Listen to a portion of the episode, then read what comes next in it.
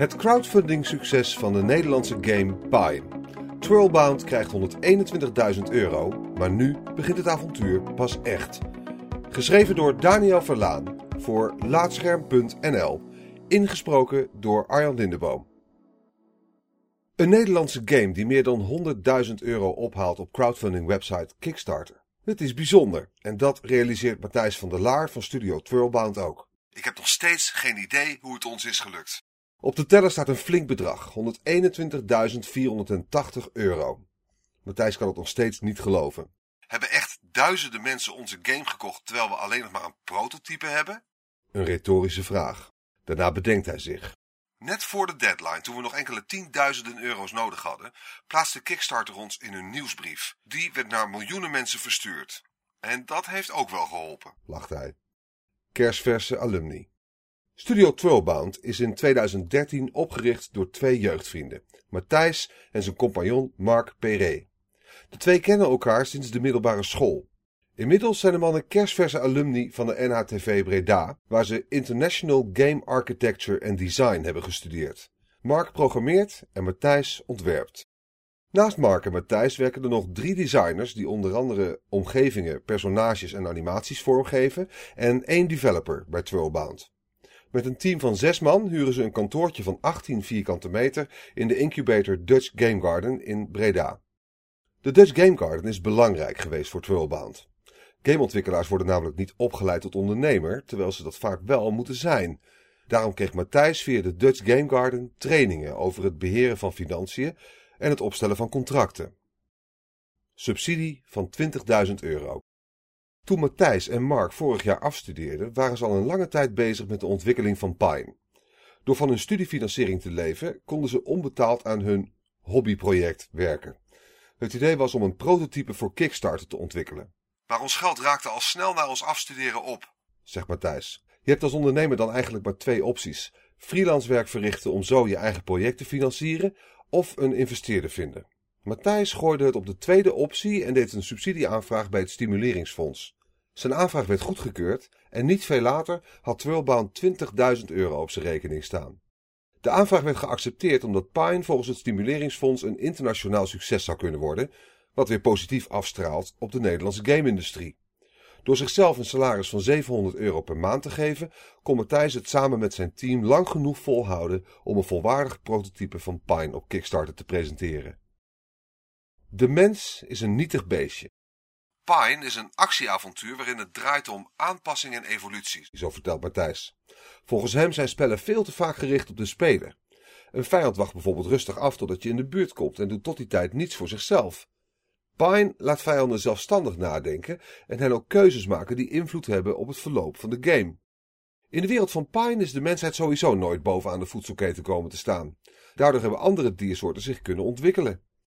De mens is eigenlijk een nietig beestje dat hoog in de bomen in het bos woont, zegt Matthijs. En als zijn leefomgeving plotseling in gevaar komt, moet je als speler op zoek naar een nieuw thuis.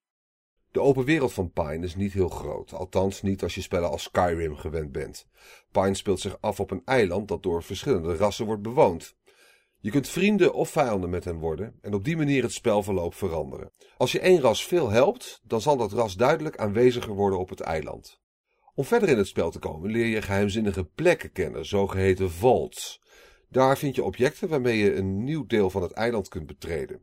Denk bijvoorbeeld aan vleugels waarmee je vanaf een hoge locatie naar beneden kunt zweven, maar ook een vlammenwerper.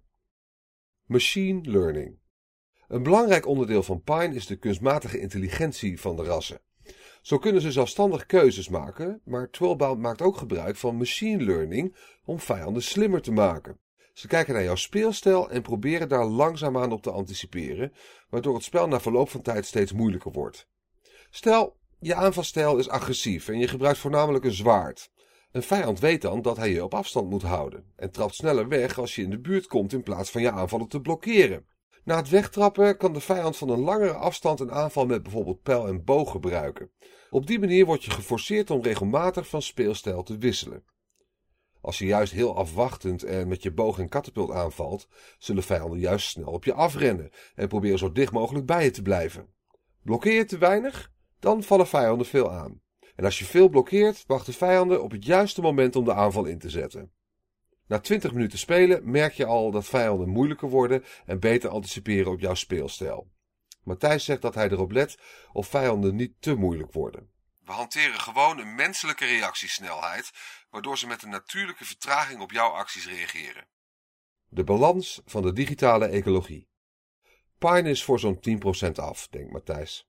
Het is nu nog een kwestie van goed de tijd indelen en onderdelen van de game gaan bouwen. Nog veel opties liggen open, maar Matthijs hoopt onder andere missies voor andere rassen dan alleen de mens te maken. Ofwel missies die de computer kan voltooien. Hoe gaaf is het als je opeens een ras ergens ziet lopen op weg naar het puntje van de berg om daar voor een missie iets te halen en dat je dan de keuze hebt om met ze mee te gaan en ook een beloning te krijgen of hen juist aan te vallen.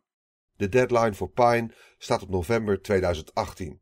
Twirlbound heeft dus nog even de tijd, maar verwacht eigenlijk al in februari van het jaar klaar te zijn. Dan hebben we nog een dik half jaar om alle foutjes eruit te halen en ervoor te zorgen dat onze game echt goed werkt, zegt Matthijs. Volgens hem gaat de meeste tijd zitten in het balanceren van de digitale ecologie. We hebben acht tot tien verschillende rassen die compleet anders werken en die allemaal evenveel kans moeten hebben om bovenaan de hiërarchie te komen, ook als de speler niets doet. Daarnaast moeten alle rassen even leuk zijn om mee samen te werken. Minder dan het minimumloon.